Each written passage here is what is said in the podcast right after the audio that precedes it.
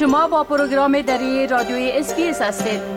گزارشات عالی را در sbs.com.au دری پیدا کنید.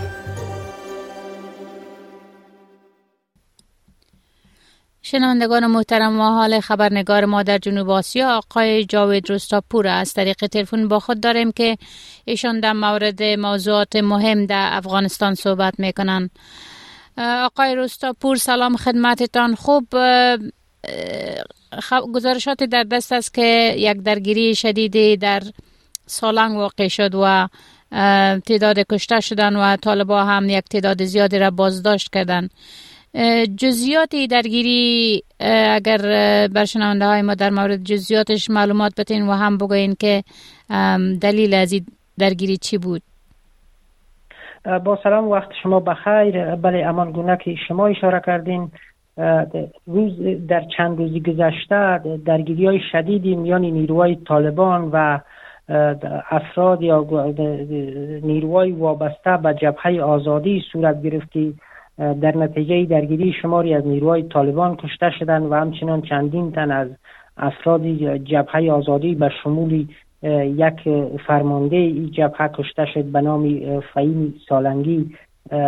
پس از این درگیری گروه طالبان حدودی 100 نفر بیشتر از 100 نفر از باشندگان ولسوالی سالنگ مربوط ولایت پروان در شمال کابل را بازداشت کردند و این افراد را به اتهام ای که با جبهه آزادی و دیگر جبهات ضد طالبان همکاری دارند بازداشت کردند و همچنان طالبان به گفته منابع پس از درگیری تلاشی خانه به خانه را در ولسوالی سالنگ برا انداختن و صدها نفر از افراد خود را جهت بازرسی خانه های مردم به ولسوالی اعزام کردند و در جریان تلاشی منابع محلی که نخواستن نامی از او گرفته شد گفتند که طالبان بر خود بسیار زشت با مردم داشتند و, و مردم را مورد لط کوب قرار می‌دادند و حتی در جریان بازرسی خانه ها ظروف خانه ها را شکستن و این اران که در خانه ها بوده ای را پراگنده و بینظم ساختند.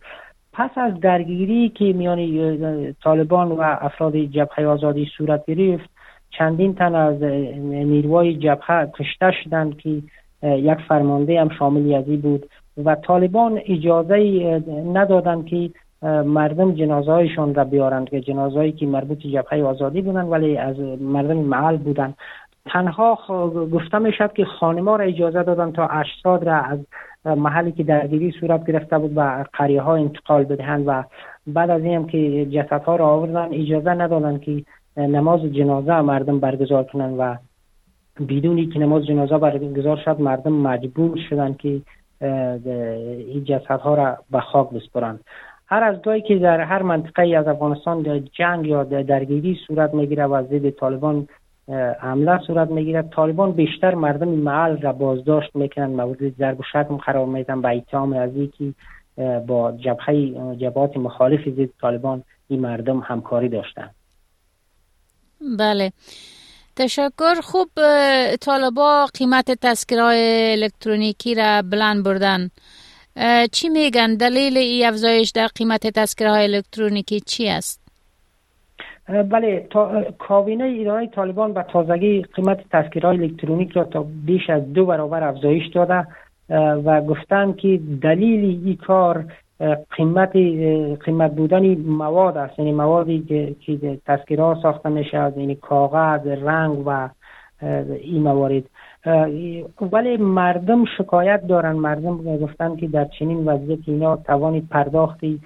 قیمت تذکرهای الکترونیک را به بهایی که در دوره جمهوریت یعنی 200 افغانی بود ندارند. ولی طالبا تا 600 افغانی قیمت تذکرهای الکترونیک را بالا بردن و همچنان به همین ترتیب قیمت تذکره مصنع را از 100 افغانی به 300 افغانی یعنی تذکره کاغذی مصنع که توضیح می‌کنن رساندن.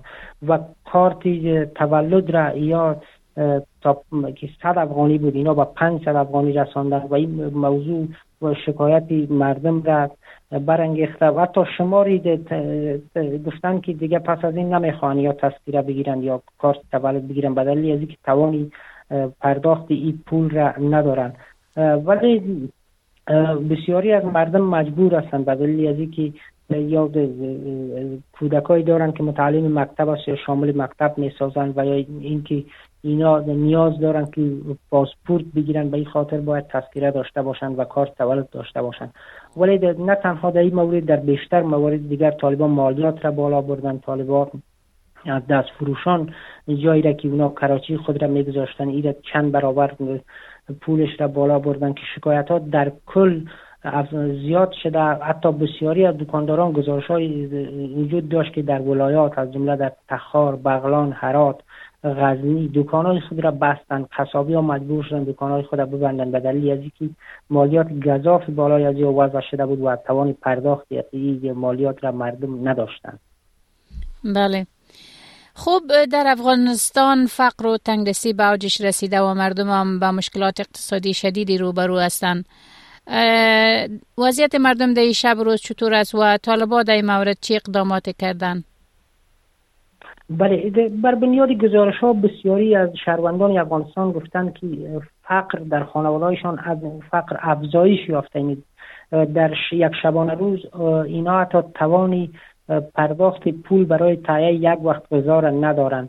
این در حالی است که به تازگی اداره اما کننده امور بشردوستانه سازمان ملل یا اوچا با نشر اعلامیه گفته که 28.3 میلیون نفر در افغانستان نیازمند کمک فوری هستند و 6 میلیون تن به گفته سازمان با قطعی یک قدم فاصله دارند که کمتر از یک ماه گفتن که اینا مواد غذایی اولیه یا ابتدایی را دارن که نان خشک و چای می باشه این در حالی است که کمیته بین صلیبی سرخ یا آی سی آر سی هم به تازگی در مورد بدتر شدن بحران بشری در افغانستان ابراز نگرانی کرده.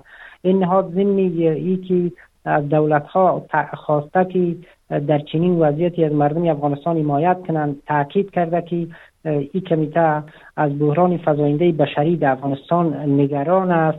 و گفته که بیکاری و فقر اگر که جلوش گرفته نشد کمک صورت گرفته نشد امکان دارد که سبب یک فاجعه انسانی شد و خصوصا در مناطق دوردست و روستاها تعدادی از کودکان جانهای خود را از دست بدن.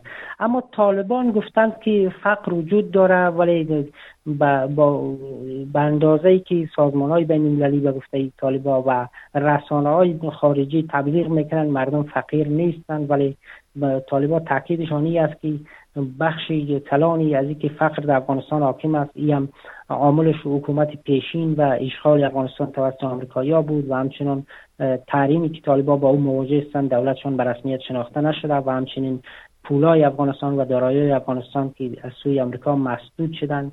این مسئله سبب شده که فقر در افغانستان افزایش پیدا کند. بله بسیار زیاد تشکر از شما آقای جاوید رستاپور.